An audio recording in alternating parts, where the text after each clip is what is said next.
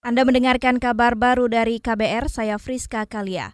Saudara saat ini ratusan buruh melakukan aksi unjuk rasa di gedung DPR MPR Senayan, Jakarta. Tuntutan mereka antara lain menolak rancangan Undang-Undang Cipta Lapangan Kerja. Informasi selengkapnya kami sudah terhubung dengan jurnalis KBR yang berada di lokasi Heru Haitami. Heru? Ya, saudara ratusan buruh yang tergabung dalam gerakan buruh bersama rakyat melakukan aksi demonstrasi di depan gedung DPR MPR Senayan Jakarta. Aksi dilakukan untuk menolak RUU Cipta Lapangan Kerja yang dinilai buruh bermasalah dan berpotensi merugikan kesejahteraan buruh. Selain itu koordinator aksi dan juga ketua dari Kongres Serikat Buruh Indonesia Nining Alitos mengatakan penolakan juga dilakukan uh, karena uh, potensi dalam uh, pasal-pasal yang ada dalam uh, rancangan undang-undang ini uh, ditujukan bagi uh, perampasan hak atas kerja kemudian juga ada uh, pada upaya uh, upah minim dan juga hak demonstrasi serikat buruh dan hak-hak dasar buruh lainnya. Uh, dengan demikian, uh, para serikat buruh mendesak Presiden Joko Widodo untuk menghentikan segala upaya yang dilakukan untuk uh, mengorbankan rakyat demi mengejar pertumbuhan ekonomi dan investasi. Ya, saudara dari pantauan saya di sini, meski memang keadaan dalam uh, keadaan hujan, tapi para buruh tetap melanjutkan aksi di depan gedung DPR MPR. Demikian dari Senayan, Jakarta, Hero Hetami melaporkan. Kita beralih ke informasi lain. Pemerintah meminta seluruh pihak menghormati dan menyerahkan penanganan perkara kasus suap yang menjerat Komisioner KPU Wahyu Setiawan kepada pimpinan dan Dewan Pengawas KPK. Juru bicara Presiden Joko Widodo Fajrul Rahman mengatakan, Undang-Undang KPK yang baru masih memerlukan proses dan waktu untuk diterapkan oleh pimpinan dan Dewan Pengawas KPK.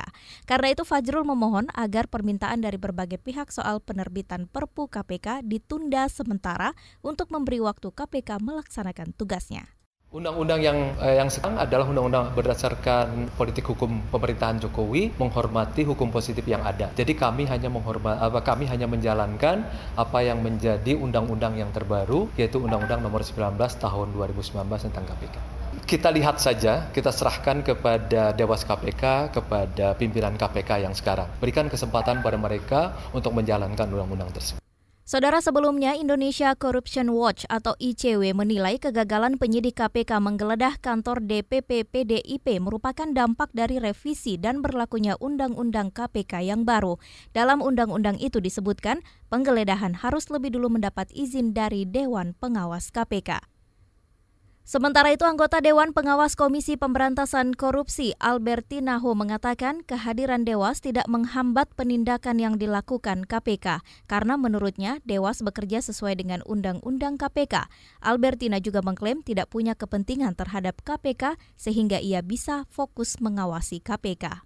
Prinsipnya saya pribadi Dewas sebagai anggota Dewas saya tidak akan menghambat proses penyidikan suatu perkara. Semuanya sesuai prosedur kalau saya pribadi, saya ini hanya melaksanakan uh, peraturan. Saya tidak punya kepentingan apa-apa. Kepentingan saya melaksanakan peraturan gitu. Saudara terkait gagalnya penyidik KPK menggeledah kantor DPP PDIP, Albertina mengatakan hal penggeledahan itu sudah disetujui Dewan Pengawas. Albertina mengklaim Dewan Pengawas KPK sudah memberikan izin termasuk izin inspeksi mendadak kepada penyidik KPK.